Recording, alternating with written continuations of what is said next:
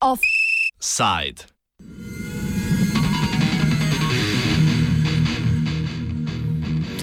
Turbo marže.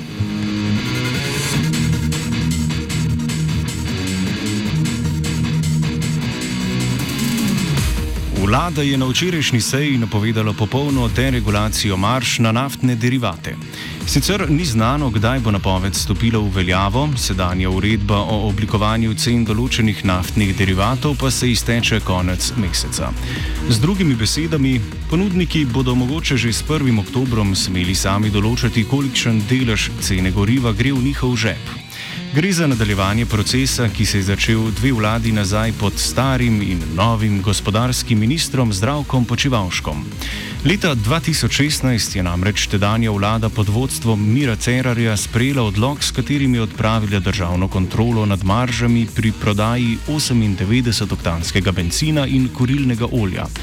Kasneje, istega leta, pa tudi nad maržami vseh ostalih naftnih derivatov, a zgolj na benzinskih črpalkah ob avtocestah. Že takrat je bila na mizi opcija popolne deregulacije, a se vlada na podlagi analize posledic tega ukrepa, ki jo je pripravil Urad za makroekonomske analize in razvoj, krajše UMAR, za njo ni odločila.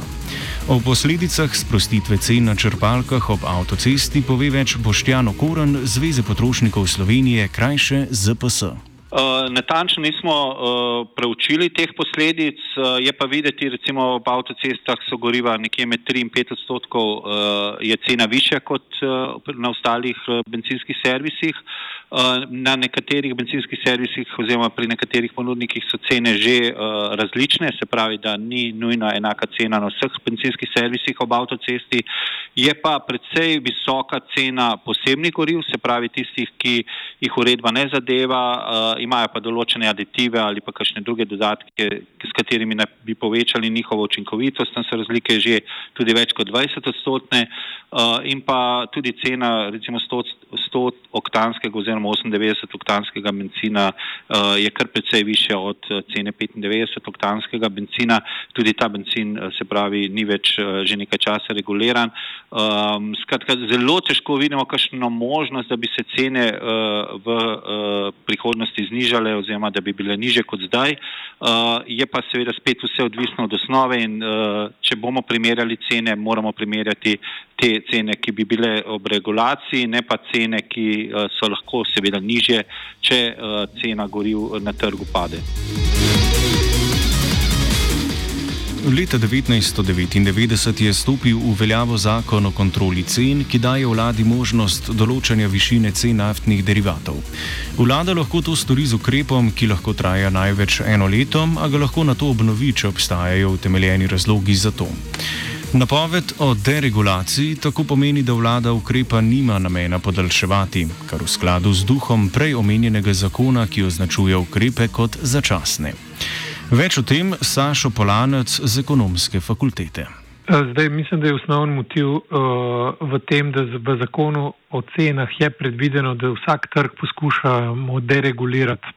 Uh, to se pravi, vsaka regulacija ne bi bila začasna. Mi, tržno, uh, mi imamo tržno gospodarstvo, tržno gospodarstvo naj bi se cene tržno določale.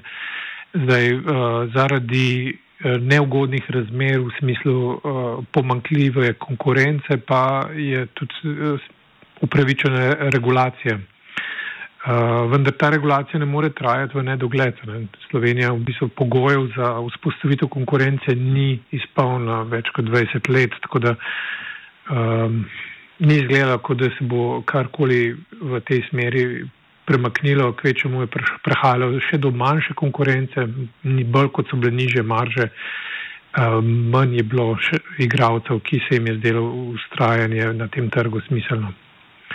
Uh, sicer pa je, mislim, da je ključen problem za višino cen tudi ta, da goriva danes imajo primešana biogoriva in to povečuje uh, stroške podjetij vsaj za nekaj centov na liter. In um, to je vsekakor en izmed ključnih motivov za recimo takojšen dvig cen.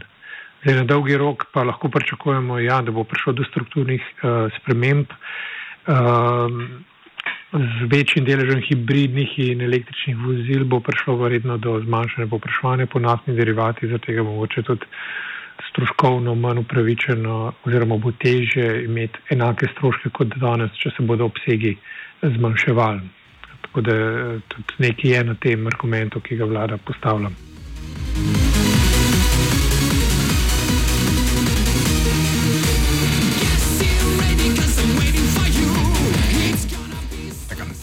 Ponudniki goriva si bodo lahko tako sami odmerili kos pogače tudi pri 95-oktanskem benzinu in dizlu. A govoriti o ponudnikih je nekoliko zavajojoče, saj veliko večino trga pri nas obvladujeta dve podjetji. Petrol, ki je v tretjinski državni lasti, in avstrijski OMV. Vlada je mnenja, da bo sprostitev cen omogočila večjo konkurenčnost oziroma boljše možnosti za manjše ponudnike, ki bi lahko stranke v primeru, da Petrol in OMV cene preveč povišata, privabljali z nizkimi cenami. Ja, jaz mislim, da je ta ukrep v bistvu bolj spodbudil konkurenco, če bodo, še posebej, če bodo uh, ceno uh, dvigovali, kar pomeni, pogledajte na ceno, bodo sami zamejevali v strahu pred konkurenco. Vedo, da čim bi marža šla na 11 centov iz tam 8 centov, ne, potem naredijo rezervo za diskontne trgovce in potem diskontni trgovci lahko ceno postavijo niže kot pa ti klasični trgovci in na ta način lahko spodbudijo ljudi, da začnejo točiti več eh, goriva na diskontnih benzinskih servisih. To se je že zgodilo, ne? recimo, ko se je vzdolž avtoceste deregulirala cena, so se potrošniki v veliki meri preselili na benzinske servise, ki so bili še vedno regulirani. In v tem smislu ne, pričakujem, da bo ta konkurenca se ukrep, eh, močnejša, da bo več manevrskega prostora za te trgovce. Za te manjše trgovce je tako ali tako elastičnost popraševanja bistveno večja kot pa za večje trgovce, kar pomeni, njim se njihova računica je čist drugačna od velikih trgovcev in zaradi teh asimetrij v velikosti računam, da bo v bistvu uh, motiv za znižanje cen pri tem malih velik, zato ker bodo bistveno večje količine pridobile in računam tudi, da bodo povečali število benzinskih servisov. Če bi recimo zdaj marže dvignili na 16 centov, bi bil to enormen manevrski prostor za diskontne trgovce in bi pričakoval, da se bo po celi Sloveniji razvila eh, konkurenca. Poleg večje konkurenčnosti se vlada nadeja tudi nižjih cen, saj naj bi odprava deregulacije oziroma regulacije, se upravičujem, marš omogočila vstop na trg novim ponudnikom. Ti bi v želji potem, da pritegnejo čim več strank, nudili cenejše gorivo od že uveljavljenih ponudnikov. Nasprotniki deregulacije pa se bojijo povišanja cen. V stranki Levica so tako zaskrbljeni, da bo v državni proračun priteklo manj denarja, saj bo z dražjimi derivati upadlo popraševanje po njih. Enak argument je pred leti v že omenjeni analizi predstavil Umar, zaradi česar tedanja oblast regulacije cen ni popolnoma sprostila.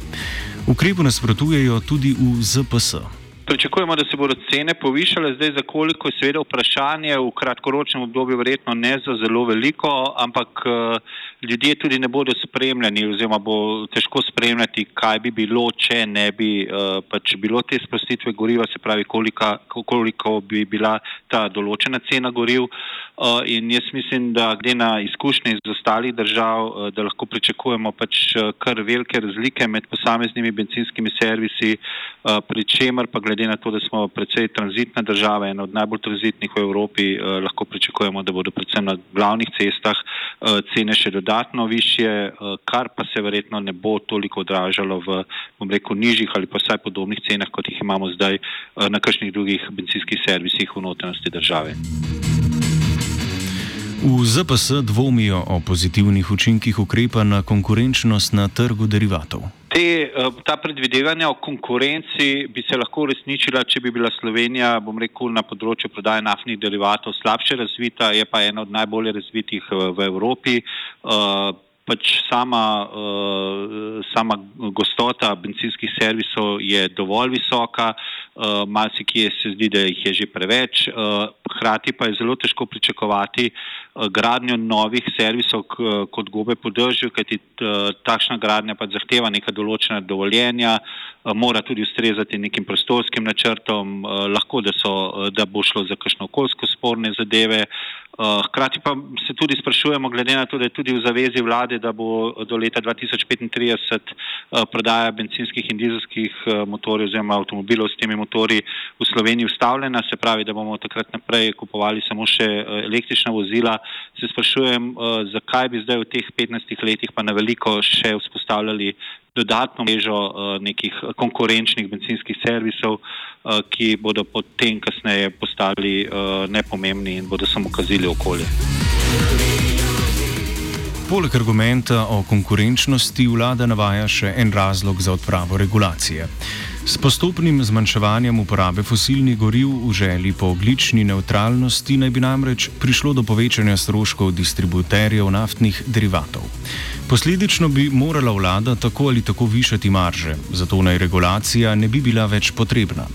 Razlage za to nad vse bizarno pozicijo od Ministrstva za gospodarstvo in razvoj žal nismo uspeli pridobiti.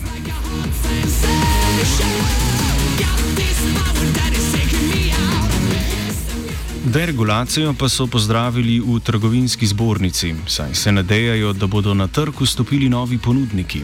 Prav tako vladne odločitve ne morejo prehvaliti v Petrolu in OMV-ju.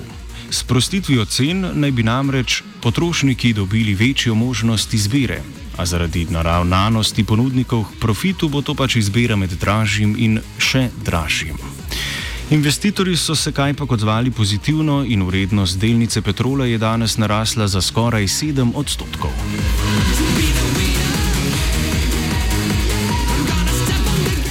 Kdo pa si te delnice lasti? Kot že rečeno, jih ima tretjino v lasti država. V času krize zaradi novega koronavirusa, ko je vrednost delnice padla, pa je z nakupom pohitev tudi okoljski minister Andrej Vizjak.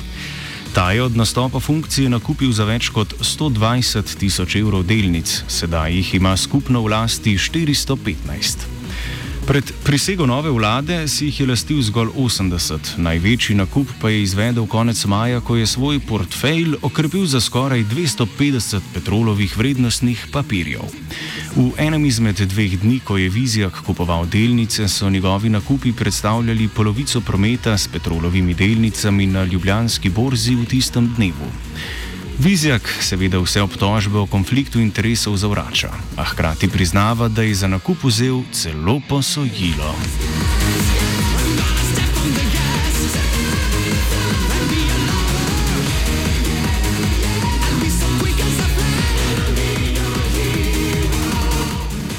V petrolove delnice ni vložil svetina.